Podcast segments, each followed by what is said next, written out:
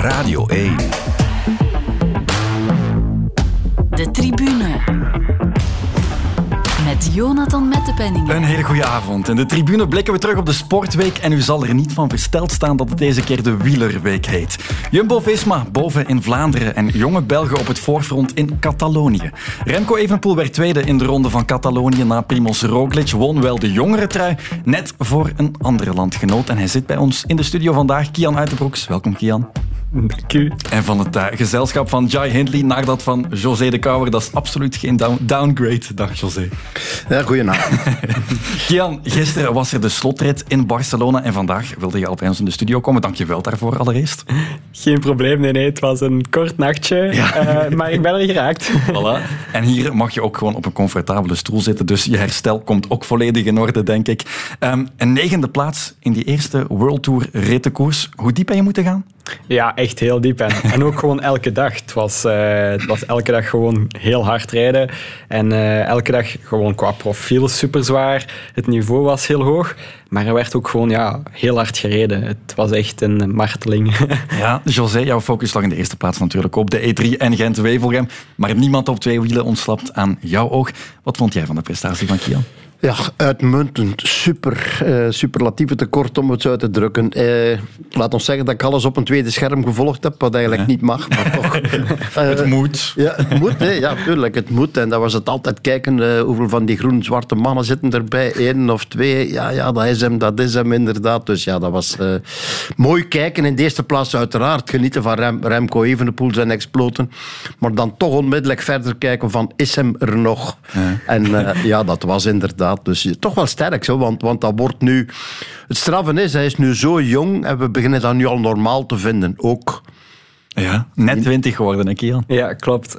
Dat is heel jong. Ja, als de Catalonië-week nu een paar weken vroeger geweest was, was, was hem nog 19 geweest. Absoluut. We gaan straks nog veel dieper ingaan op jouw prestatie daar en over de koers in het algemeen. En als jij, want je komt toch nog altijd een beetje piepen, toch nog voorgesteld moet worden, dan halen we graag dit fragment uit onze podcast de Wielerclub Wattage bij. Ik moet nog een keer terugkomen op Catalonië. Ja. Ik zie daar ook iemand op een hoog niveau presteren. Zeg maar. Kian Uitenbroeks. Jongens, laat je hier een keer vernoemen. Die is gisteren tiende die was vandaag achtste. Die staat acht of negen in klassement. Maar, waarom zeggen we eigenlijk Kian ja. als dat met CI wordt geschreven? Ik bedoel, Tekitroen hebben we toch ook niet? voor, voor je het weet zit je in, in een vicieuze kirkel. Dat is, ja, ik ben hier met de kittybike.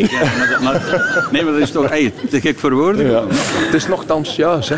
Het is wel degelijk juist, maar het was dus Mark Uiterhoeven die het wat moeilijk had met jouw naam. Ken jij hem eigenlijk? Want dat is een andere generatie. Kian. Nee, eigenlijk totaal niet. Nee. Sorry. José, wie is Mark Uiterhoeven? Ah, een fenomeen, hè. Op een fenomeen die, uh, ja, die televisieland in België eigenlijk uh, op zijn kop gezet heeft. En en uh, waar ik eigenlijk bijna mijn eerste stappen mee uh, in, in televisieland gezet heb. Eigenlijk. Ik heb uh, met Mark drie, vier grote rondes gedaan mm -hmm. als ja, co-commentator. Voilà, dan weet je dat ook, Jan. Dat okay. is dus Mark Uiterhoeven. Je zal je portie miserie inderdaad al gehad hebben met die naam, denk ik. Maar het is een mooie naam, José. het is een naam om... ik heb... De voornaam heb ik geen probleem mee. Ik denk, ik vraag me alleen af. Niet dat dat een probleem is, maar ik vraag me af, is dat dan Nederlands? Uh, ja, dat betekent, dat is oud-Nederlands. Uh, en dat betekent eigenlijk uit het moeras. En het toevallige is dat ik eigenlijk in de Rue du Brou woon. Uh, ja, dat is mijn straatnaam. En dat betekent straat van het moeras. Dus ik ben eigenlijk Kian uit het moeras, die in de straat van het moeras woont. Omdat, omdat ik dacht eerst, uh, Nederlands afkomstig uit ja. Nederland, omdat in Nederland heel veel van dat uh. soort, maar dan nog andere namen ja. zijn. En dat is eigenlijk uit de tijd dat ze ja, zichzelf moesten registreren. En er zijn ja. de Nederlanders hele rare namen gaan uitvinden. van naakt geboren en ik weet niet nog allemaal. Omdat men dacht van ja, dat gaan ze nooit opschrijven. Maar ze gaan nu zowel zo door het leven. Dat is het. Maar het is dus door de taalkunde, die les hebben we ook meteen meegekregen. Ja. We gaan beginnen met de momenten van de week en we gaan eerst naar jouw moment, Kian. So, Evenepoel was on the blower, calling for action. Got it every time he asked for it.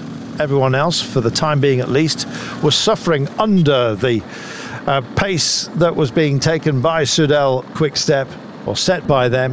And the drive started to have a big impact. There were some big names that found themselves further down this mountain.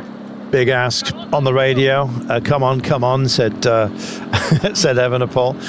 gosh, he controls the whip handy within his own team. Ja, Kian, je hebt zelf gekozen voor een moment uit die ronde van Catalonië en wel voor de controle die Soudal Quickstep uitvoerde. Waarom koos je daarvoor? Ja, ik vond het op zich wel redelijk spectaculair en ik had het niet verwacht van die ploeg dat ze eigenlijk ja, zo het systeem van Ineos eigenlijk ook een beetje nabotsten en ook wel konden nabootsen. Ehm, zeker ja, de eerste keer dat dat echt opviel was de rit naar La Molina, eh, de derde rit, waar ze echt bergop een redelijk zware lead-out doen en waar Remco op het einde aanvalt. Maar vooral ook waar ik eh, heel van verondersteld was, was de laatste rit op, in Barcelona. Eh, het was altijd een kort klimmetje en elke ronde offerde iemand van de ploeg zich echt volop en gingen ze vol dat explosieve klimmetje op. Tot eh, Van Wilder dat de laatste keer deed. En dan Remco ging en ja, het was echt gewoon afzien. Ja, Als je het niveau van die renners van Quickstep nu ziet, van Van Wilder, Louis Vervaken, Masnada, ja, zijn echt wel... eh, heel de ploeg is echt richting de Giro aan het eh, werken. En ja, ik vond het indrukwekkend. Ja, José? Ja, inderdaad. Ja, fenomenaal. Ja, het is nieuw. Eh, het, is, het gaat niet goed met de ploeg Lefevre, maar het gaat wel heel goed met de, met de ploeg Evenepoel, moet ik eerlijk zeggen. Dus, alhoewel, het gaat niet goed. Het gaat niet goed hier in het, bij ons in Vlaanderen dan, in die koersen, maar ze winnen wel in, in Italië. Ze winnen, en ze hadden nog veel meer kunnen winnen, vind ik persoonlijk, in Catalonië. Volgens mij had Remco altijd moeten winnen. Dat hele verhaal daar. Eh, mits een klein beetje meer focus op het einde en niet dat tikkeltje minder gretig, onderweg goed, maar dan in de finale toch een paar keer verloren en daarvoor, daardoor verliest hij uiteindelijk de, de ronde. Maar laat dit een les zijn naar eh, Italië en dan ziet het er heel goed uit. Voilà, en die trein werkte inderdaad wel. Hoe maak jij dat dan mee vanuit het peloton, Kian? Goh ja, je, ziet ze al eh, samen naar voren gaan en dan weet je al eigenlijk hoe laat het is. en zeker als je dan eh, de laatste man zeg maar, voor Remco ja, ziet, dan weet je, oké, nu moet je echt naar voren gaan, want eh, nu gaat het heel veel pijn doen. En ja, dan gaat Remco gewoon. En de eerste dagen denk ik dat iedereen wel nog van de renners die dan voor de top 3 zeg maar, wouden gaan, er nog achter ging. En probeerde Remco en Roglic te volgen. Maar vanaf eh, na La Molina denk ik dat het gewoon duidelijk was en dat het Remco en Roglic waren die eh, van voorreden en de, de wedstrijd eh, erachter was gewoon nieuw. Ja. Ja. Je hebt de naam Ilan van Wilder al eens Ja. opgesmeten. Hij is ook nog altijd maar 22. Plots loopt ons land over van ronde talenten, klimtalenten. Hoe goed ken je hem? Ja, ik ken Nilan wel redelijk goed. We hebben dit jaar al een paar keer samen gereden en echt een hele toffe, sympathieke gast. Eh, toen ik op hoogtestage was op de tijden, eh, was de hele Quickstep-ploeg er ook. Allee, de, de klimmers dan. Eh, dus Ilan was daar ook. En ja, gewoon een hele sympathieke, rustige gast. Die, die echt wel dit werk, denk ik, wat hij nu doet, heel graag aan het doen is. En die heel blij is eh, ja, dat hij naar Quickstep is gekomen. Eh, ik denk dat hij zich... Ja, hij bloeit gewoon open, vind ik, in deze ploeg. Ja, in een machine die steeds beter gaat werken. Die trein van Remco. Patrick Lefevre noemde het op de beklimming van Looport wel nog overmoedig, José. Eh, ja, zoals ik daarnet al zei. hè. Dus het, dat, eh, eigenlijk met een beetje meer, eh, beetje meer ervaring wint hem altijd Catalonië. Altijd. Als je ziet hoe dat Roglic uiteindelijk gewonnen heeft, is gewoon in het wiel blijven passen, kijken, om dan uiteindelijk helemaal op het einde die bonus te pakken. Remco gaat dan nog eens overmoedig zijn in de voorlaatste rit, waar het zijn sprint verkeerd rijdt, of twee na, laatste rit, waar hij dan uiteindelijk nog zes seconden verliest. En al dat soort zaken. Dus als je de koers gevolgd hebt, dan moet je toegeven, ook vanuit Roglic kant en vanuit de, de kant van Jumbo-Visma, dat het perfect had gekund voor Remco. Ja, maar de stap naar de Giro is in elk geval wel gezet. Dat zal ook met veel van deze namen worden. Kian, was het een goede generale repetitie, denk je, voor hen? Ja, ja het niveau was super hoog. Dus eh, oké, er zat geen tijdrit in, maar we weten denk ik allemaal dat Remco eh, de beste is waarschijnlijk in de tijdrit. Eh, dus ja, ik denk richting Giro dat dat zeker eh, wel voldoening moet geven. Absoluut. Komt erbij natuurlijk, als Remco de tijdrit wint en hij komt aan de leiding, dan moet je gaan controleren. Hè. En dan moet je oppassen als ploeg. Dan is elke trap die je geeft er een te veel. En er komt een dag dat je in de problemen komt in een grote ronde. Drie weken zomaar de boel controleren en uitcontroleren, dat werkt nooit. Dat gaat niet. Dat komt, elke ploeg gaat een, een momentum hebben waar je in de problemen komt. En daar moet je heel veel respect voor hebben en heel veel uh, aandacht voor hebben dat je jezelf en je ploeg niet voorbij rijdt. Nee. Want hij heeft de Vuelta gewonnen, maar op een andere manier. Mm -hmm. En nu gaan ze toch moeten zorgen dat ze, als ze de wedstrijd moeten dragen, dat ze gaan kijken, geven we die trui af, geven we die trui niet af, zoeken we companen in het peloton. Hoe moeten we dat gaan doen? Ja, dat, dat wordt weerom een soort uh, les, een soort, uh, soort examen. En uiteindelijk zal die wedstrijd-ervaring toch alles gaan zeggen. We gaan het straks zeker ook nog meer hebben over Evenepoel. Laten we eerst naar jouw moment gaan, José. Opletten motoren, opletten. Oh, een motor valt, een motor valt. Eh, dat is wel heel een uh, vervelende situatie. Maar ze slalommen Van Aert, Pogacar en Van der Poel slalommen om die uh, motor. Ik denk dat het van een fotograaf was, heen als waren ze gewoon een uurtje aan het crossen op die Koppenberg. En Van Aert die moest weer een gaatje lossen, een gaatje laten. En nu draaien ze weer zo dadelijk nog één bochtje op die grote weg. 37 kilometer, Karel even nog die kanttekening met die gevallen motor daar. Er stond heel veel volk op de Oude Kwaremond. Mijn motaar Tom uh, Klaas die zegt ook van het publiek moet niet op de weg gaan staan. Inderdaad, dan ben je een beetje een gevaar. Dat is de plaats waar er gereden wordt, waar de motoren ook passeren. En ook iemand aangereden natuurlijk in het publiek hebben we gezien dat die recht geholpen moest worden. Ja, het is natuurlijk een probleem van veiligheid af en toe. Kijk, ook hier nu op die uitloper van de afdaling van de Oude Kwaremond. Het publiek staat in het midden van de weg. Dat is niet altijd even simpel. Het publiek wordt gek. De beste drie coureurs ter wereld in uh, klassiekers, die rijden hier nu vooraan. Maar toch een beetje aandacht ook dat er plaats genoeg is voor iedereen. En dan zijn we terug in Vlaanderen met die opvallende slierbeurt van een motor op de Oude Kwaremond in de E3 Classic. Het moment van de week voor jou, José. Ja, het moment van de week, omdat we, denk ik, met z'n allen eens moeten opnieuw beginnen. Opnieuw eens gaan kijken uh, hoe we dat nu met die motoren en hoe het nu eigenlijk qua reglement is moet ingevuld worden. Mm -hmm. Want op een gegeven moment, ik weet hoe het gaat, uh, iedereen denkt van ik mag hier zitten. Ik heb mijn plaats hier. Uh, en als ze roepen vooruit, vooruit die eerste motor die daar 50, 100 meter voor het peloton rijdt, die denkt, ja, vooruit, ik zit hier goed. Uh, die eerste die net voor het peloton rijdt op 10 meter, die denkt, ja, laat die anderen eerst opschuiven. En zo blijven we bezig. Ik bedoel, er, er, er is heel veel te doen, ook in Catalonië. Renners die naar voren komen rijden, die met handjes zwaaien van weg, weg. Er zijn er ook bij die het andersom doen, die doen van kom, kom.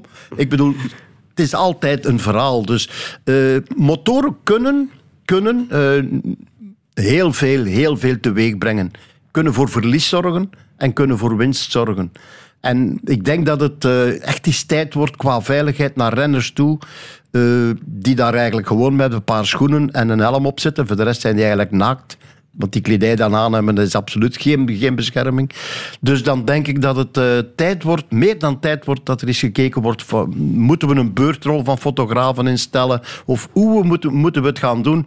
Moet daar op een bepaald moment nog Rijkswacht tussen zitten? Mm -hmm. Ik heb Rijkswacht zien rijden in de iedere Jarelbeke, in koers zelf. Op een of andere beklimming ik heb niks tegen Rijkswacht, ver van. Die moeten er zijn. Maar ik bedoel, ik heb ook niks tegen fotografen. Ik heb zeker al niks tegen cameramensen. Maar je moet je toch gewoon afvragen in hoeverre ben ik nu bezig met de koers te mm-hmm. benadelen of te bevoordelen. Op het moment dat die valpartij er is, rijden Pogacar en Van der Poel eigenlijk weg van Wout van ja. Aert.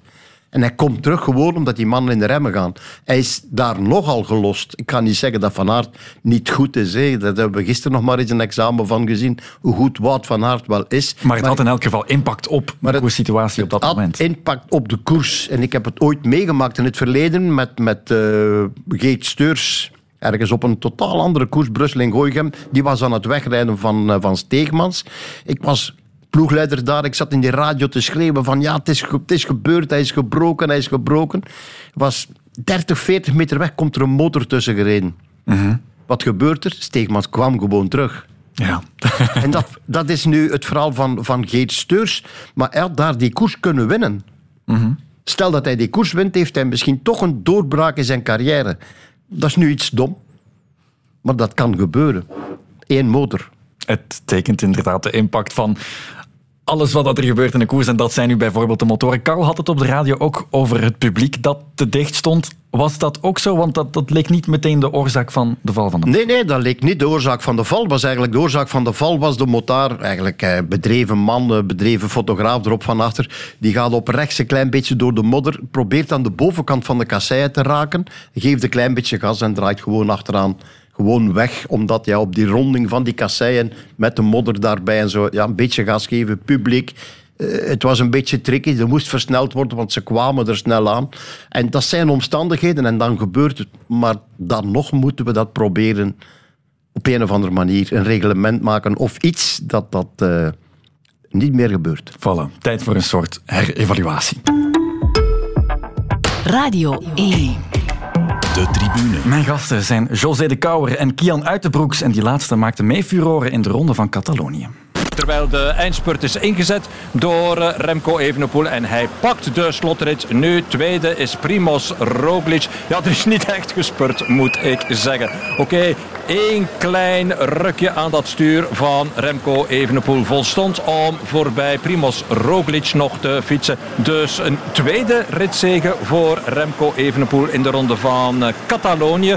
En uh, Primoz Roglic had er al twee gewonnen, maar pakt daar dus nu het eindklassement bij. En wat gaat dat geven over een aantal weken? Dat duel waar toch naar uitgekeken wordt in de ronde van Italië. Als ik, uh, als ik dat mag uitspreken, horen we bij de vijf beste rondrenners van de wereld. Dat bewijzen we deze week ook weer terug. Dus je hebt elkaar gewoon nodig. En zoals vandaag, dat zijn dingen die je meeneemt naar de Giro. Ook als er een bepaald moment is dat we met twee weg zijn uh, en we kunnen voor een rit gaan, dan, dan moeten we gewoon samenwerken als we de sterkste zijn. En ik denk dat dat gewoon eigen is aan, uh, aan grote kampioenen. Dat ze in eender welk moment, in een, met eender welk gevoel in de benen, gewoon doorgaan en, en zelf durven twijfelen. En, en zelf als ze voelen van ik kan misschien niet winnen, gaan ze toch door.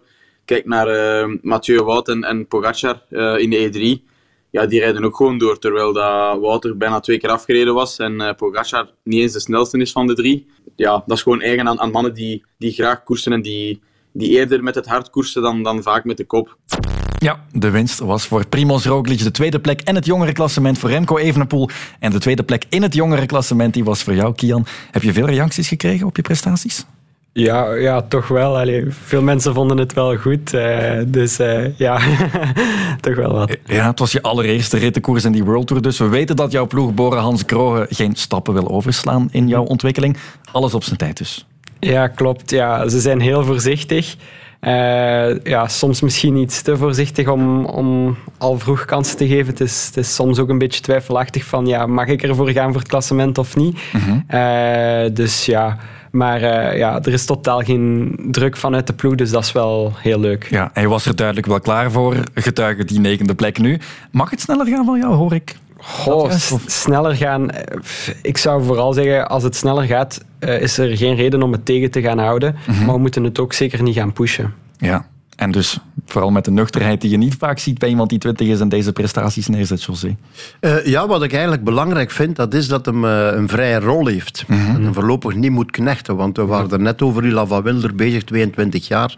Uh, en dan, dan heb ik zoiets van, ja, mocht het mijn zoon zijn, wat niet is, maar mocht mijn zoon zijn, ik zou, ik zou daar een beetje moeite mee hebben om, uh, om hem zo te zien knechten nu. Mm -hmm. Als ploegleider vind je dat natuurlijk geweldig, dat je een geweldige ploeg aan het bouwen bent. Mm -hmm. Maar op 22 jaar, als ik dat zie van, van uh, Kian, als ik dat zou zien, zou ik denken van, ja, dat is mooi, dat is fantastisch. Maar waar ben je zelf mee bezig? Voor jezelf. Dus ik vind het jammer voor Ilan van Wilde dat hem dat moet doen. Ja. En Leer je daar logisch, dat te weinig uit? Ik, uh, ik, ik denk dat hem te vlug in de knechtenrol wordt geduwd en dat we nog niet genoeg weten, hij ook nog niet van zichzelf, waar, het, uh, waar hij kan eindigen. Mm -hmm. ik, ik vind als jongere, als jongere vind ik nog altijd dat je moet proberen om te kijken eerst tot op een bepaalde leeftijd, wanneer je bepaalde zaken echt afgetoetst hebt, en dan ga je -hmm. knechten, dan ga je geen knecht spelen, maar dan ga je knecht zijn. Mm -hmm. En dat is een groot verschil. Ik bedoel, uh, knechten met het volle overgaven. denk ik, is pas gegeven op het moment dat je alles al hebt afgetast. Dat je weet van, dit is mijn plaats, Louis Vervaken. Absoluut, voor de volle 100%. Serie, voor de volle 100%. En ik zeg niet dat Ilan van Wilder geen geweldig werk levert op dit moment, maar ik vraag mij af of hij in zijn hoofd tevreden is voor de volle 100% om dit te doen. En of dat het eindpunt zal zijn. Als dit het eindpunt is, zou het kunnen zijn dat hij in zijn leven eh, een paar miljoen te weinig verdient. Dat, dat kan zeker. Dan heb jij meer geluk met jouw rol, Kian. Ehm, want het doel was wel om die top 10 te rijden, maar je hebt ook wel een koopman voor je. Dat was dan Hindley. Jij kreeg een vrije rol inderdaad. Hoe pak je dat dan toch aan in die koers? Goh ja, dat is vooral eh, zien dat je mee bent in de eerste bergrit. Eh, want als je daar lost, dan, dan gaat het natuurlijk wel richting knechten gaan. Dus eh, dat is eigenlijk gewoon de kansen grijpen. Als, als de kans zich voordoet, ze zo snel mogelijk grijpen en en dan ook zoals nu, ja, je staat dan de laatste dag negende Mhm. in het klassement. En dan is het echt van, oké, nu is het het moment om dit niet te verliezen. Volle concentratie. En ja, in de World Tour het niveau is zo hoog. En ook bij Bora hebben we gewoon ja, supersterke kopmannen. Eh, als een Hindley, als een Vlaasov. Dus als er een klein kansje voor, voor mij is, dan eh, verstandig zijn en, en ze grijpen. Slim zijn. José wijst met de Ja, naar het hoofd. ja en het, het, probleem met, eh, het probleem met Dylan van Wilder is, die heeft zijn start gemist eigenlijk bij DSM. Daar nogal wat problemen, ook fysieke problemen en alles erop en eraan. En dan zit je zo'n beetje te zoeken en dan ben je blij uiteraard. Heel blij dat hem eh, opgevist wordt of dat hem bij die ploeg kan komen. En dan, dan zit je, als je niet oppast, zit je op, op 22-jarige leeftijd in een rol waar je eigenlijk nog alles zou moeten uitzoeken. Nu is dit op dit moment geen enkel probleem, nog niet. Hij kan perfect die ronde van Italië doen, in functie van. Maar er moet toch ook een moment komen, als hij er echt klaar voor is, om, om zelf eens te kijken waar en hoe ver kan ik gaan. Maar dan wel niet eerst laten leegrijden in een of andere ronde en dan 14 dagen later zeggen, ja, nu mag je gaan, want dan werkt het ook niet. En dan blijf je bezig met wat je bent. Dus ik ben hier niet de rekening aan het maken van, eh, van de ploeg van uh, Soudal Quickstep, zeker niet. Ik denk alleen maar na van, mocht Ilan van Wilder familie zijn van mij en ik zou hem moeten begeleiden, dan zou ik het zo doen. Je wil geen potentieel verloren zien gaan en dat is inderdaad logisch. Eh, hoe zit de verstandhouding tussen jou en Hindley dan bijvoorbeeld, Kian? Want ook hij is iemand die op jonge leeftijd al veel bereikt heeft. Ja, maar Hi- Hindley is eigenlijk heel relaxed. Dus eh Hindley is niemand die direct dingen gaat opeisen. Dat is eigenlijk heel leuk om met hem samen te rijden en je kan er ook mee spreken tijdens de koers. Eh, natuurlijk, als er echt iets moet gebeuren, dan zal hij het ook aangeven. En als hij dan ook de sterkste is, is dat ook volledig correct. Dan, dan moet je daar ook niet over twijfelen. Als we dan de rit kunnen winnen of het podium in één keer kunnen ambiëren en, en hij is veel sterker, dan, dan is het heel logisch. Maar ik denk dat, eh, dat Hindley zelf eigenlijk er totaal, hij totaal geen probleem mee dat ik achter hem eigenlijk eh, ja, gewoon mee voor, die, voor het klassement, voor de top 10 reed. en, eh, en dat was wel leuk als je uiteindelijk ja, een Giro-winnaar langs je hebt die, die, eh, die jou daar wat in wil begeleiden, zeg maar, en jou wat tips wilt geven. Ja, dat is geweldig. Bijvoorbeeld ook in de Ronde van Oman eh reed ik samen met Emmanuel Boegman. En, en hij nam mij ook echt bij me van Kian, oké, we hebben misschien hier niet de sterkste ploeg, maar voor de positionering blijf gewoon bij mij. We gaan dat met ons twee doen. Volg mij overal en, eh, en leer gewoon uit, uit wat ik je zeg. En, en dat is wel leuk als, als zo van die topatleten eh u wat willen helpen. Dat is, ja, 100% ideaal voor jongeren. Hè? Ja, maar dat zegt natuurlijk veel over Kian zelf. Hè. Ik bedoel dat, Om dat af te dwingen? Of- Ja, op een of andere manier heeft hij de, de charme, zal ik maar zeggen. De charme omdat... eh, ja, je kan jezelf eh, ja, in een ploeg inwerken. Eh, je kan je er zelf ook uitwerken zonder dat je er ooit in geweest bent. En het verhaal met Hindley was wel eh, belangrijk. Die kwam niet echt in aanmerking voor te winnen. Klopt. Had hij nu in aanmerking gekomen om te winnen, stel dat hij mee kon met Roglic en met Remco, ja, dan had Kian ook aan de bak gemoeten op een of andere manier. Maar nu voelde hij duidelijk, ja, aan die twee kan ik niet aan. Dus ja, was het eigenlijk niet nodig om, eh, om een extra man in gang te trekken. En dat, dat zijn van die kleine dingen waar je soms een beetje geluk in moet hebben. En daar rijdt op tien. Voilà. En geluk had je dus inderdaad de rit naar La Molina, waar we het er net over hadden. Dat is ook de rit waar jij het hoogste eindigde, achtste toen, in de groep met grote namen ook. Voel je dan misschien al dat je dat niveau van die mannen al aan kan? Goh ja, het niveau van Remco en Roglic is wel nog echt een stapje hoger. Mhm. Eh, dat is nog een andere zaak. Dus ik denk, eh, ja, het niveau van de groep erachter nu, dat was, dat was doenbaar. was heel hard afzien natuurlijk. Mhm. Eh, maar ik denk, ja, het niveau naar de top, daar zullen we wel nog wat jaren voor nodig hebben als we daar ooit geraken. Dat is waar, maar ik noem maar een paar Dus- namen uit die groep. Dat waren Landa, Almeida, Chicone, Chavez. Ja. Kan ook tellen. Ja. Het, mooie is, het mooie is dat hij zegt, ja, dat was afzien. Alsof die mannen daar zouden fluiten. Als die mannen niet zouden afzien, dan waren die mee met, eh, met Roglic en Remco. Hè. Dus die Ja. mannen konden ook niet mee. Die waren niet beter dan jij. Hè. Helemaal niet. Dat zal wel niet. Wat was de interne reactie bij jouw ploeg dan, bij Bora? Wat zeggen zij van jouw prestaties nu? Goh ja, in het begin eh, geloofden ze er ook niet echt onmiddellijk in dat dat in Catalonië dat een top 10 zou lukken. Omdat het niveau ja, al op Pogacar en Vingegaard na waren bijna alle goede klimmers daar. En eh, ja, daar was wel wat twijfel. Maar ik had het toch ergens in mijn hoofd van... Ja, ik wil het toch proberen. Oké, het niveau is misschien heel hoog, maar er zijn veel aankomsten bergop. Bergop ligt mij wel. Ik had dan ook met mijn trainer al gesproken en ja, hij was ook een beetje aan het twijfelen, maar ik zei ja, we bereiden ons gewoon erop voor en we zien wel waar we uitkomen. En uiteindelijk waren ze wel... Ja, als ze dan zagen dat het lukte, wa- was dat wel een opluchting voor hen ook. En was dat wel ook een projectje eigenlijk dat, dat gelukt was van... Oké, het World Tour niveau is ook wel een niveau dat we aankunnen. Want ik had het nog nooit gedaan natuurlijk. Voilà, dat is dus toch gelukt. Hoe schat je de eigen prestaties dan in? Oh ja, ik, ben nu gewoon, ik ben gewoon heel blij dat ik, dat ik bij, die, bij renners als inderdaad een Chavez en eh, ja, een Chicone en al die, die renners dat ik gewoon ja, erbij mee kan. Ik weet zelf en ik voel zelf ook dat het niet voor Remco Roglic nog een, een stukje te hoog is. Maar ja, ik ben gewoon heel blij waar ik, waar ik nu al sta en, en nu gewoon alles rustig bekijken hoe we verder kunnen verbeteren, want er zijn nog heel veel punten die moeten verbeteren. Dat zal wel, maar het is duidelijk. Geloven in jezelf, dat, eh, dat kan werken, José. Het, eh, het, het, zoals hij daarnet al zei, op het moment dat de kans zich voordoet, er klaar voor zijn. Niet tot de conclusie komen van, ja, had ik nu een beter plan opgemaakt voordat de Ronde van Catalonië begon, dan had ik misschien kunnen top 10 rijden. Nee, het plan was er. Hij was er klaar voor. Eh, en als er één iemand voor moet zorgen dat je klaar bent, eh, dan is het niet de ploeg zelf, maar dan moet je dat eigenlijk zelf doen.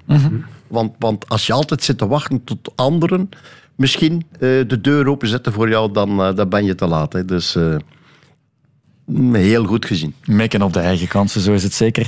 Top 10 in Catalonië was het doel. Zijn er nog grote doelstellingen in de koers die je nu nog gaat rijden? Goh, in de ronde van Zwitserland zou ik misschien ook wel goed willen zijn. Eh, ook een zware rittenkoers. Ik zou zeker terug aan mijn tijdrit willen werken. Ehm, en dan de Vuelta. De Vuelta, ja, het is een rittenkoers van drie weken. Ja, grote ronde, dus dat gaat ook weer de eerste keer zijn. Maar ik denk gewoon, ja, zo goed mogelijk voorbereiden, alles doen wat je kan doen. En dan zien we wat er gebeurt. eh, gewoon dag per dag daar alles bekijken hoe het gaat. Maar wel naartoe gaan en, en klaar proberen te zijn. Ja, maar niet meteen even een poel opvolgen. Nee, dat, gaat, eh, dat is toch een eh, stapje te hoog hoor. Ook te vroeg. Brengt ons wel meteen naar Evenepoels prestatie in Catalonië. José, een week lang heeft hij geduelleerd met Primoz Roglic. Af en toe zat er ook een scherp randje aan, maar dat mag ook, denk ik. Ja, dat mag ook. Hè. Ik hoorde net in dat interview dat hem zei van ja, Roglic, ik en Roglic of Roglic en ik, ja, wij bestaan elkaar, wij, wij respecteren elkaar. Dan is hem toch de dag ervoor vergeten waar hem er met Roglic 20 kilometer in zijn wiel gezeten heeft en meer achterstevoor op zijn fiets gezeten heeft dan recht voor hem kijkende. Daar was Roglic niet zo groot. En als Roglic dan eh, zondag in Barcelona misschien, misschien niet het allerlaatste uit de kan gehaald heeft, dan is het misschien een klein beetje uit respect voor hetgeen Remco de dag ervoor gedaan had. Want ik kan me voorstellen als je daar Roglic bent en eh, je zit daar en de ploeg zegt niet rijden, of hij beslist zelf op een bepaald moment van niet te rijden, eh, ja, dan, dan, dan gaat je ster toch een klein beetje tanen, vind ik. Dan wordt het toch een klein beetje minder als de grote Roglic zijnde en je durft niet doorrijden met een jonge kerel van 22. Ehm, dus van daaruit denk ik, Barcelona was, was hem zeker van uiteindelijk Catalonië te winnen.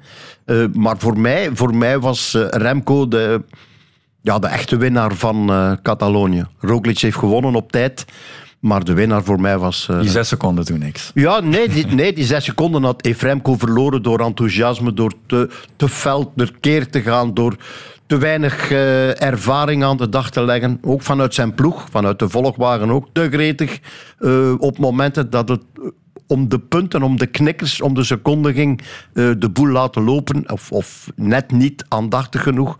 Dus uh, ja, makkelijk. Ik ga niet zeggen makkelijk, maar je had kunnen winnen. Ja, maar het was wel het ideale voorgerecht op de Giro, denk ik. Want daar opnieuw gaan we die twee tenoren zien. Eh, daar gaan we die twee tenoren zien. Gaan er nog wel bij komen. Er gaat nog anders gekoerd worden. Een koers van drie weken. Uh, is het allemaal totaal iets anders. Kan een valpartij zijn, kan lekker band zijn. Er kan heel veel gebeuren in drie weken lang. Uh, het loopt niet altijd van een leien dakje, maar dat hem het kan. Dat hem het bewezen heeft dat hem goed is. En niet te zeggen heel goed is. Ja, daar kunnen we nu al naar uitkijken. Dat hebben we inderdaad gezien. Kian, Kian, ik las een quote van je een paar dagen geleden. Het lijkt wel of ik in de Tour zit. Was het zo bijzonder om dat u wel van op de eerste rij mee te maken? Ja, het was toch wel zo. Ik, ik vond het wel echt geweldig. Je, ja, je zit dan net zo in dat groepje erachter en je ziet die twee vertrekken. Dat is precies... Uh, vorig jaar keek ik ook naar tv als ja, Pogacar en Vinnegaard dan aanvielen, zeg maar ja, het was gewoon precies hetzelfde. Die twee vertrokken en wij, wij, ik keek precies naar tv. Ik zat precies in mijn zetel. En, Wel echt van op de eerste rij. Ja, echt van op de eerste rij. Het was echt geweldig. En ja, ik heb eigenlijk zoiets nog nooit gezien. Als ik die twee zag vertrekken. Het, het straffen is, je zit nu vorige week naar koers te kijken. Dan zie je daar in Adelbeke drie man vertrekken, waarvan je zegt, ja, ja die drie rijden weg. Ja, ja, en die anderen kunnen niet mee. Nee, nee, ja, het is wel fantastisch. En we zitten naar Catalonië te kijken, er rijden er twee weg en zegt ja, ja, er zal niemand komen zeker? Nee. Nee, er rijdt niemand mee. Ja. Maar het is, wel, het is wel, wel fantastisch. En het lijkt alsof die anderen niet koersen. Mhm. Die, steken er, die twee staken er zo bovenuit. En hetzelfde verhaal in Adelbeke. Of in, uh, ja, in drie Adelbeke. Ik bedoel, die drie staken er ook gewoon uit. Die rijden weg en die rijden gewoon weg. En Ja. dan heb je de neiging als je zit te kijken van te denken, allee, die andere treinen toch ook? Die, ja, die Dat kan ook. Kian misschien wel bevestigen. Wordt er Ja. daarachter gekoerst? ja, ja, maar het is gewoon... Het is, en het is ook gewoon heel spectaculair, want oké, we hebben nu ook dat treintje van Quickstep, hè, dat werkt en je kan zeggen, oké, ja, dat is ook zoals bij Ineos. Maar Remco laat een treintje opzetten, maar die gaat wel eh, op drie of vier ronden van het einde al aanvallen. Dus het is, het is gewoon spektakel. Mhm. Denk jij dat Evenepoel boven Roglic kan uitstijgen in de Giro? Ik denk, ja, zeker eh, met veel tijdritten. Ja, het gaat natuurlijk, eh, ja, inderdaad, het is drie weken en dan moet je echt wel kalm blijven. Hè. En, en ook geen te overbodige energie verspillen. Als, als Remco ga- eh, drie weken gaat rijden zoals hij nu in Catalonië reed, met elke rit op eh 20, 30 kilometer van de meet aan te vallen, ja, dan gaat het misschien wel zwaar worden. Maar ja, ik denk gewoon kalm blijven. En, en ja, zeker de tijdritten gaan hem zo ver helpen. Dus ik, ik denk zeker dat het mogelijk is. Voilà, de tip van de nog jongere jeugd aan Evenepoel. Um, Evenepoel noemde Roglic misschien wel de beste renner ter wereld. Dat was misschien wat overdreven. Dat was eh, licht overdreven. Ik denk dat de beste renner ter wereld in België gekoerst heeft, in de E3 Saxo. En dat dat voorlopig, eh, voor mij tenminste, Pogacar is. Ja, wat hij wel is, Roglic, en hij zal er een lastige klant aan hebben, altijd alert, altijd anticiperend. Ja, het is vooral een aanklamper. Daar moet je voor oppassen. Ja, Het is een aanklamper. hij, hij doet niks. Hij rijdt mee, hij kijkt, hij zit daar. Als je denkt dat, dat je hem kwijt bent, eh, is hem er nog altijd. En als je niet oppast, eh, verlies je vier seconden. Dat is zo. Kan deze ploeg controleren zoals in de Giro, zoals in Catalonië? Quickstep? Eh, ik zou het niet doen op die manier. En er gaan momenten komen. Hij gaat aan de leiding komen met een of andere tijdrit. En dan, ja, dan gaat er gekoerst worden. Dan gaan ze groepen laten wegrijden. Grote groepen laten wegrijden. En er gaan renners bij zitten van de tweede lijn. En die kunnen gevaarlijk worden. Je kan dat niet allemaal controleren. Er is niks aan te doen. Ook al is de Giro geen Tour. Maar dan nog, dat wordt eh, heel moeilijk. En dat wordt een, eh, een examen om... eh, om af te leggen. Maar ze gaan dat wel doen, denk ik. Dus ze zullen vanuit de volgwagen vooral veel rust moeten bewaren. En Remco, inderdaad, zoals Kian zegt, niet beginnen van op 30, 40 kilometer van het einde. Telkens weer opnieuw, want dan loop je een dag op een counter. Ja, de wijze raad van José en Kian voor Soudal Quickstep. We gaan zelf ook wat vooruit gaan, want er was meer dan Catalonië dit weekend.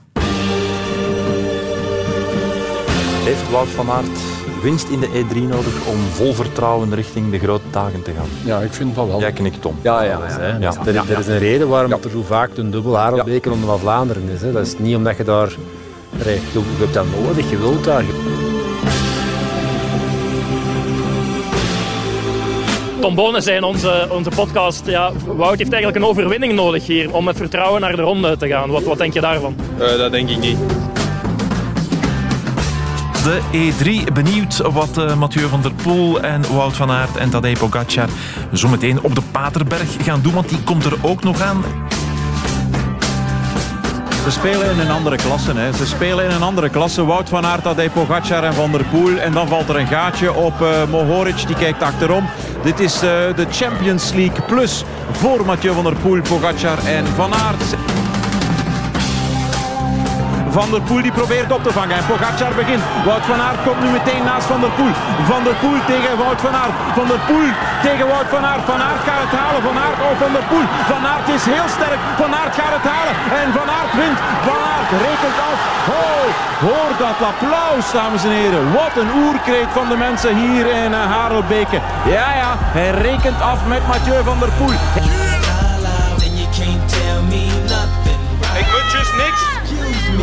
You saying something? Uh-uh, you can't tell me nothing. Niet welkom, fijn dat u er bent. Er is ook Gent Wevelgem. In dit uur komen de eerste hellingen eraan. Aanval, tweede beklimming Kemmelberg, Wout van Aert, Christophe Laporte. Zij met z'n tweeën weg, maar het is nog vrij ver, 50 kilometer. Zouden ze hier nu al een trofeo Baraki van maken? Mm, denk het niet. Christophe, welke kant gaat het uh, op dit moment op? Ja, uh, 40 seconden al.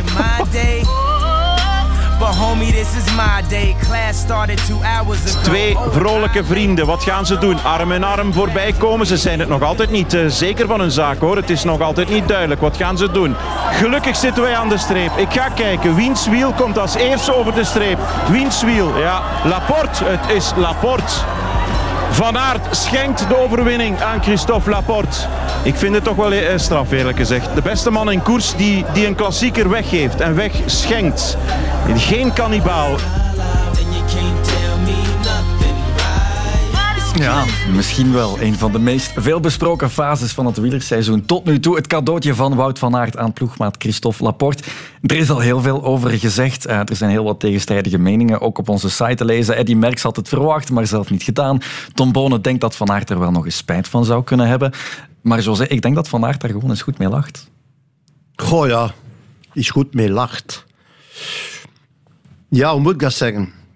Als je nu echt... Uh pastoor gaat uithangen, dan zeg je ja, op dit moment heb je geen respect voor, voor Gent-Wevelgem. Uh-huh. Want de beste moet winnen. Koers is koers. Uh-huh. Daar gaat het hem tenslotte over. Uh, de plaats van Laporte is de plaats die hij normaal gezien in het peloton bekleedt.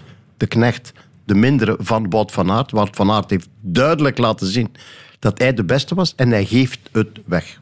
Hij geeft het gewoon weg. Oké, okay. dat is een beslissing van Wout van Aert. Daar hebben wij niks, maar ook niks bij in te brengen. Uh-huh. Hij geeft het weg. Uh, emotioneel gezien, wat denk ik daarvan? Uh, ik vind dit niet goed voor de sport. Oké. Okay. Maar ik vind, het respect, ik vind het respect van hetgeen dat hij doet. Hij was de beste. Kijk, als je iets weggeeft...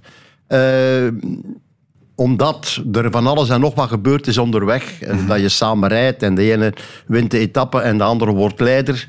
dat is een ander verhaal. Maar is Laporte hier nu blij mee? De, hij leek achteraf blij, maar ik heb ergens gelezen dat hij misschien ook een beetje gegeneerd was. Dat kan allemaal. Inderdaad, de reden voor Van Aert was één, ze zijn goede vrienden. Zeker ook de E3 Harelbeke van vorig jaar. Daar was het dan Wout van Aert, dat was dezelfde situatie. Maar ook daar was Van Aert de betere. Dat is zeker waar. En mag Laporte dan niet winnen? Moet Laporte winnen? Dat is de keuze van Wout van Aert. Kian, ja, maar ik heb daar geen probleem mee. Dat is het respect dat we moeten tonen voor Wout van Aert. Hij heeft dat beslist. En daarom zijn we nu aan het denken van, ja, tja, waarom spreken we erover? Omdat we het niet normaal vinden. Dat is zeker waar. Mochten we het normaal vinden, we zouden er niet moeten over spreken. Mhm. Dus is het logisch dat we erover spreken, want we vinden het niet normaal. Dat is absoluut vaak. Het gebeurt ook niet vaak, dus ook daarom hebben we het er niet vaak over, denk ik. Um, hij doet het omdat hij zoveel wint. Kian, um, ook omdat het niet in hem zit. Had jij iets gedaan in die fase? Dat is misschien moeilijk om te voorspellen. Je hebt nog niet gewonnen bij de props. Nee, als het de eerste keer zou zijn, zou ik zeker sprinten voor, voor eh, de overwinning te hebben. Uh, maar ja, langs de andere kant is misschien ook een beetje Laporte uh, aan zijn kaart spannen voor ja, de Ronde van Vlaanderen. In de hoop misschien dat hij echt alles, maar alles gaat doen. Ja, maar langs dat, dat toch doen? Ja, die zouden normaal... Ja, Die moet dat doen, dus. Ja, dat zit in die ploeg in. Dat is zijn taak. Eh, Daar, heeft hij voor, daar is hij voor bij die ploeg gekomen. Hij wist dat. Dus dat is een rolverdeling die al, eh, al lang vast ligt. Eh, ja, maar, maar klopt. op zich geen enkel probleem. Hè. Dus eh, de vraag is alleen... eh, in principe moet... moet ik moet juist niks. Hè. Ehm, zou, gaan we ervan uit dat Wout van Aert de Ronde van Vlaanderen wint? Ja. Of Parijs-Roubaix? En als dat nu niet is... Dan heeft hij alleen drie jaar al beken gewonnen. Ja. Nog altijd fantastisch. Nog altijd fantastisch, inderdaad. Maar anders was het Jarelbeke en Gent-Wevelgem. En vind je dan niet, want dat zei hij dan ook nog, dit is een overwinning die we delen als ploeg. Het staat niet op zijn persoonlijk palmarès. Hij is tweede samen met ploegmaat Christophe Laporte. Mag je het dan niet meerekenen, ook al zeggen de cijfers van niet? Eh, het zal nooit op zijn dingen staan. Hè. Mhm. Eh, Bonen heeft eh, en Gent-Wevelgem en drie keer de Ronde van Vlaanderen en vier keer Parijs-Roubaix en is wereldkampioen geweest en heeft ook de groene trui en, en, en. En toch heb ik het gevoel dat Wout van Aert een betere renner is dan Tom Bonen. Ja. Op een andere manier. Ja. En hij vorig jaar, en dat is wel het verhaal. eh, Jumbo-Visma is voor mij Wout van Aert. Jumbo-Visma is niet Roglic. Jumbo-Visma is voor mij niet Vinegaard. Jumbo-Visma is voor mij Wout van Aert. Niet omdat ik een Vlaming ben en Wout van Aert een Vlaming is, maar omdat Wout van Aert vorig jaar voor Jumbo-Visma en Vinegaard de Tour gewonnen heeft. Wout van Aert is Jumbo-Visma, dat is zeker waar. Iets anders. Vier Vlaamse klassiekers, vier keer wint Jumbo-Visma. Met vier verschillende renners, dat is ook altijd waar. Wat zegt dat over de, de dominantie van dit Jumbo-Visma? Vergelijk ze misschien even met het beste quickstep van de laatste jaren.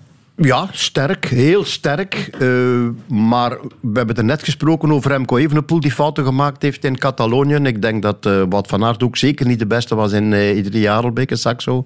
Wat hij zelf toegegeven heeft. Mathieu van der Poel heeft zichzelf daar echt voorbij gereden. Bewust, zei hij nadien, om ja, de laatste loodjes er nog een beetje bij aan te breien. Eh, ik vraag het me allemaal af natuurlijk.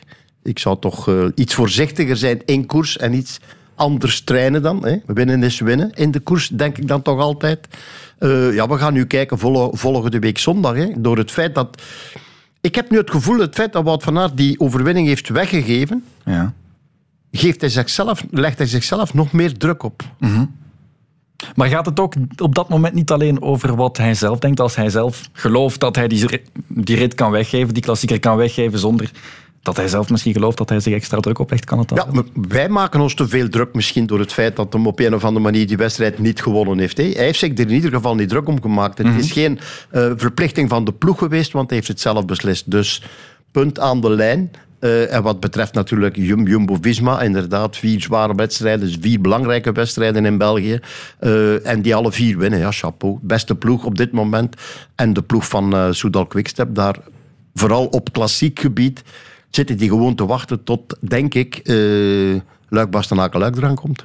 Om opnieuw met Remco Evenepoel te scoren. Want die staat er wel. Dat zal zeker het geval zijn. Soudal Quickstep inderdaad op dit moment, het loopt niet helemaal. Eh, nee, het loopt niet. Ze hebben niet die kopman die veel koersen wint, wat ze altijd gehad hebben. Eh Asgreen eh, was een geweldige winnaar in de Ronde van Vlaanderen, maar dat is niet de man die je naast Van der Poel of Roglic of, of bedoel Van Aert en Pogacar gaat zetten. Zit, is lang gekwetst geweest, is er vanuit geweest. Dus het is een beetje zoeken. Het zou kunnen zijn dat die mannen zondag wel een rol spelen, maar in principe zijn het dezelfde drie. Ja, Tim Merlier had het nu in Gent-Wevelgem over een lichte degradatie van Soudal Quickstep. Dat is hard en niet onwaar. Ja, maar, maar eh, Merlier heeft op zich al een geweldig seizoen gereden. Ik denk dat ze 18 overwinningen hebben met de ploeg voorlopig. Eh, dus zo slecht gaat het helemaal niet. Het Maar dit is waar iedereen naar kijkt en waar wat jarenlang hun specialisatie ja, was. maar daarvoor heb je die, die uitgesproken kopman. En die hebben ze nu niet. En dan wordt de grote vraag, gaan ze die ooit nog hebben als ze de lijn Remco Evenepoel wil- willen doortrekken? Want en een klassieke ploeg maken en een ronde ploeg maken, dan moet je, denk ik, nog meer budget hebben. En dat is hetgeen waar Patrick Lefevre altijd over bezig is. Hij heeft niet het budget van, eh, van Jumbo. Dan moet je jaloers zijn inderdaad op Jumbo-Visma. Het is nu aan Julian Alaphilippe om in die ronde van Vlaanderen iets te doen. Maar ook hij heeft heel veel druk op zich nu. Heel veel druk op zich. Eh, Er is al heel wat gebeurd de voorbije jaar. Sinds uh, luik bastenaken luik heel zwaar gevallen. Dat is bijna een jaar. Uh, terugkomen, er beginnen, weer vallen. Uh, in die ronde van Spanje of waar was het? En nog een paar andere zaken. Dus er is al, ze hebben ook al heel veel pech gekend. Ja, en ze hebben niet die veelwinnaar. Nee. Is er nog goede raad voor de ploeg van Patrick? Uh, ik ben de laatste die aan Patrick Lefevre een raad moet geven. Ik denk dat Patrick wel zelf weet hoe het moet. En al zeker zijn uh, mannen, zijn team waar, waar hij mee werkt. Het is gewoon niet nerveus worden, maar dat is heel moeilijk. Ja. En wat we wel hebben, en wat misschien kan helpen voor de ronde zondag, is er dwars door Vlaanderen, woensdag. Dat kan misschien een soort opkikkertje worden voor renners, ook van Soudal Quickstep, die het misschien nog niet helemaal hebben kunnen tonen dit voorjaar. Ja, en vaak wordt dat zo dan bekeken. Ja, het is niet die of die koers, maar ik weet, ik heb mijn renners ooit als ploegleider dan een kermiskoers gewonnen. En voor hun was dat de Ronde van Vlaanderen. Dat was een van de. Ja, nee. Ja? En als je daar dan achter zit, dan moet je daarin meegaan. En dan is dat fantastisch. Ik bedoel, je kan, uh, je kan zeggen: ik rij achter Kian Uitenbroeks en hij rijdt negende in Catalonië. Ja, negende. Negende.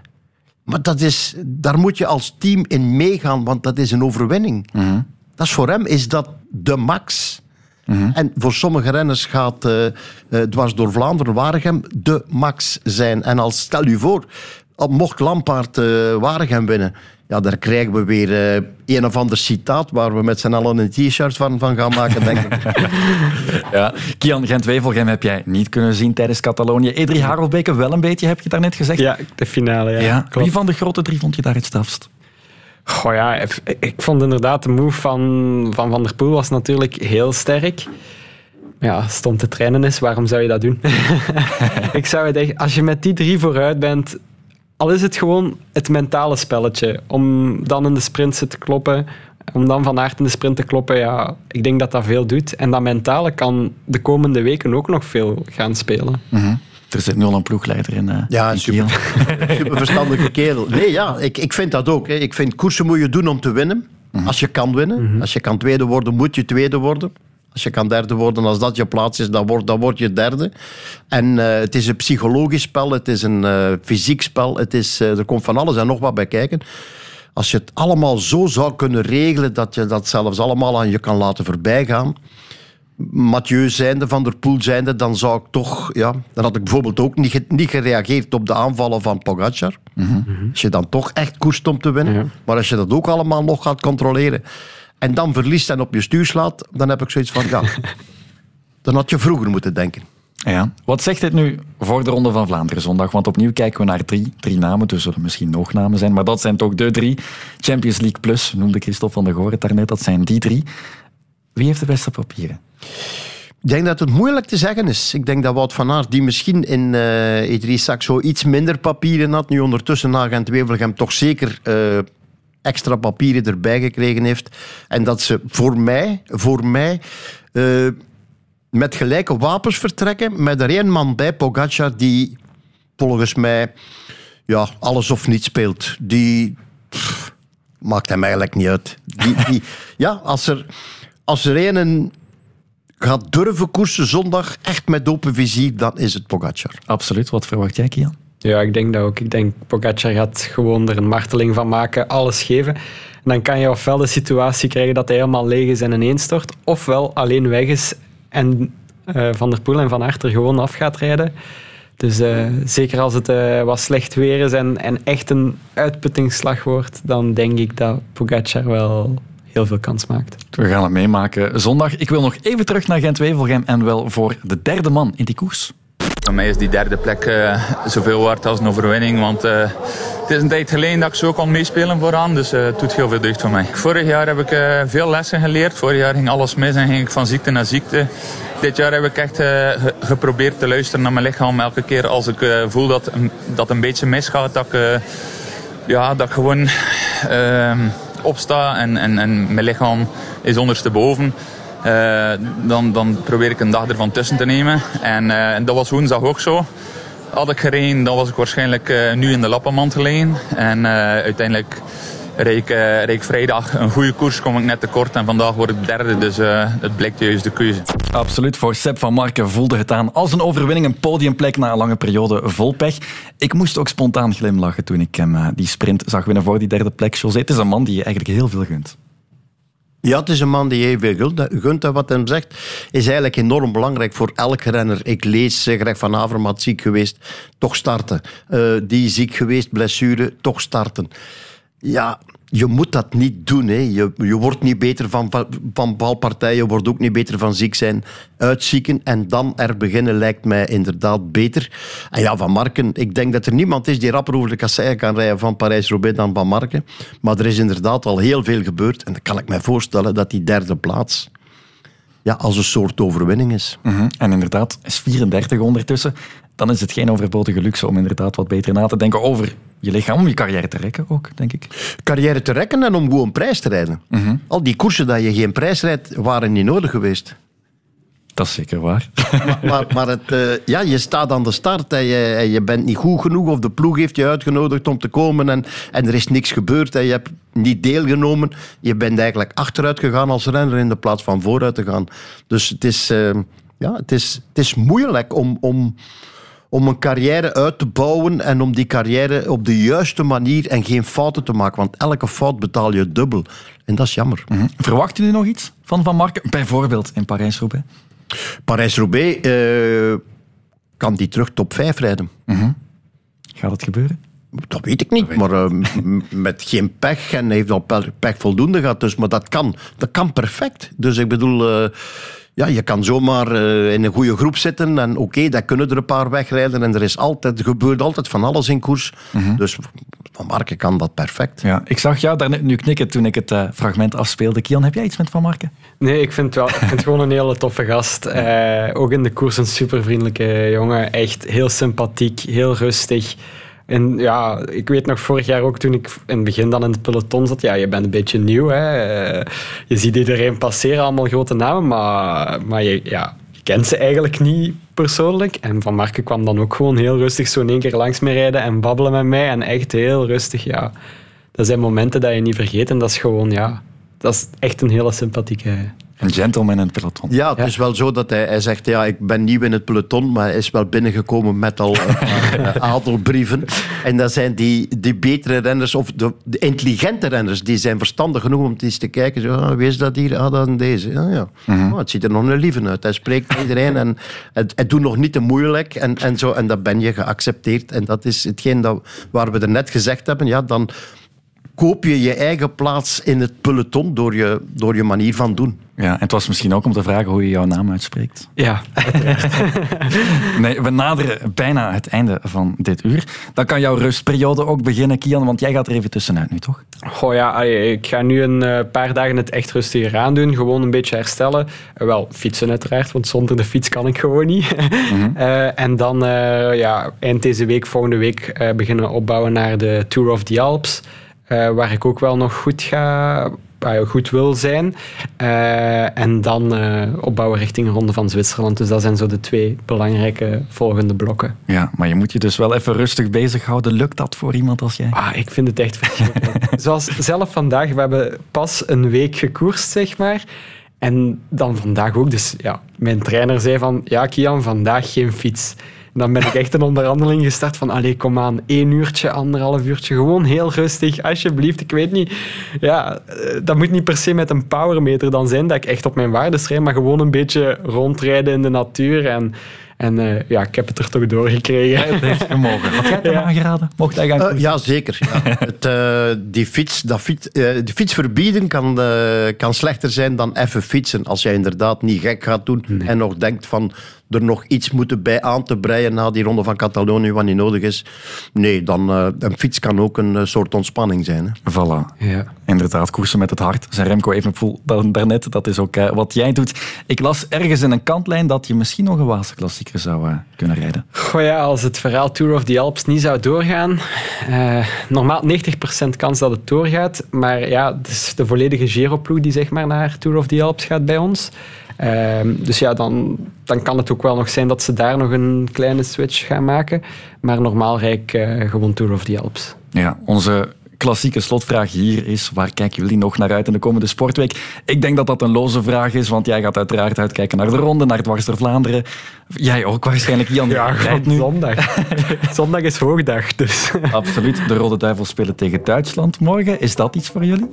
Goh ja, het is een nieuwe ploeg. Nu, al- nu alles is weer in één keer. Op tijd van eh, drie doelpunten van eh, Lukaku zijn we in één keer terug hot. Voilà. Wat eh, een paar weken geleden niet meer was. José de Kouwer, de voetbalman. We zijn eruit. Volgende maandag opnieuw. Tot dan.